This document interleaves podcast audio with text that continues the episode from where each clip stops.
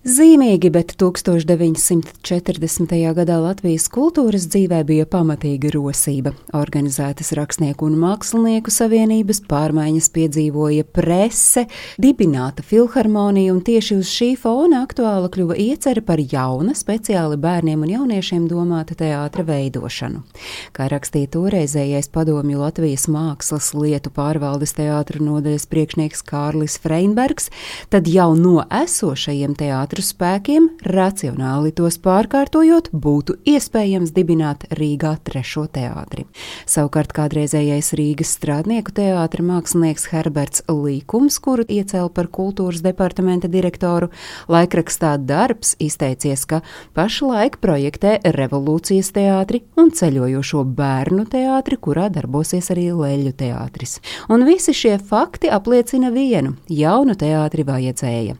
Kā liecina vēstures liecības sapulču protokolu veidolā, tad domājot par jaunu teātri, kaislības virmojušas arī ap tā nosaukumu, un gan dibināšanas fakts, gan nosaukums bērnu un jaunatnes teātris apstiprināts Latvijas komjaunatnes centrālajā komitejā. Pie teātra dzimšanas stāvēja cilvēki, kuri ticēja, ka Latvijai iespējama neatkarība PSRS sastāvā.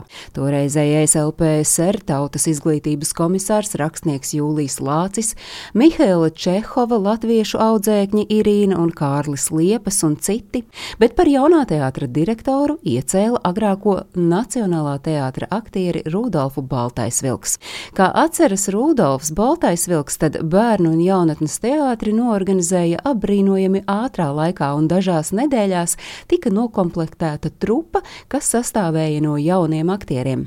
Pirmās sezonas galveno lomu atveidotājs bija vien pāris sezonu Nacionālajā teātrī pieredzējušais Vilis Ķīmelis.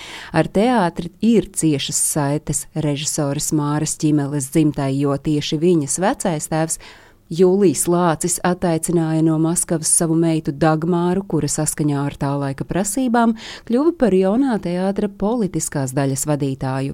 Jūliju Lāci pašu gan par nelojalitāti padomju valdībai apcietināja un nošāva vēl pirms jaunā teātra pirmās izrādes 1941. gada 27. janvārī.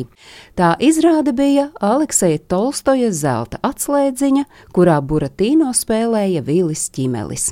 Teātrim tolaik gan neklājās viegli, pat lāga savu māju nebijis. Pirmajā sezonā darbojušies gan Lielajā ģildē, gan Krievu drāmas teātrī, ebreju teātrī, pionieru pilī, kas tagad ir prezidenta pils un kino metropole mēģinājuši gandrīz visu ievērojamāko Rīgas sabiedrisko ēku trepju telpās un koridoros, bet pirmizrādē 1941. gada 27. janvārī atvēlēts Krievu drāmas teātris.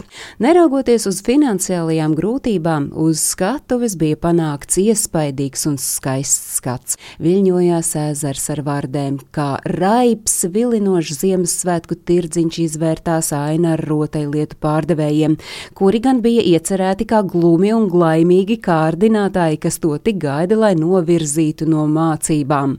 Iestudējuma veidotāji centās radīt dzīves priecīgas pasakas atmosfēru.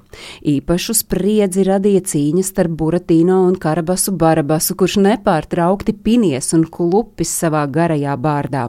Zālē skanējuši smiekli, bērni iejaucās izrādes norisē, brīdinot Buratīno par lapsu Alisi un Runci Bazīliju. Līdzās cīņai pret Karabasu Barabasu Viļa ķimeļa atveidotais Buratīno esot uzsācis cīņu par cilvēka garīgo atbrīvošanos un dzīvi laimīgajā zemē, kura gan uz skatuves izskatījusies mazliet komiski, kad izrādes noslēgumā bungu ritmā uz skatuves izsoļojuši pionieri sarkanos kaklautos, kas esot simbolizējis, ka visi bērni tagad dzīvos priecīgi un laimīgi. Neraugoties uz šo plakātisko finālu, jaunatnes teātris iestudējums tomēr aicināja nesamierināties ar ļaunumu, un tas tiešām rosināja mazo skatītāju iztēli un lika līdz pārdzīvot, stāstīja Agnese Drunka.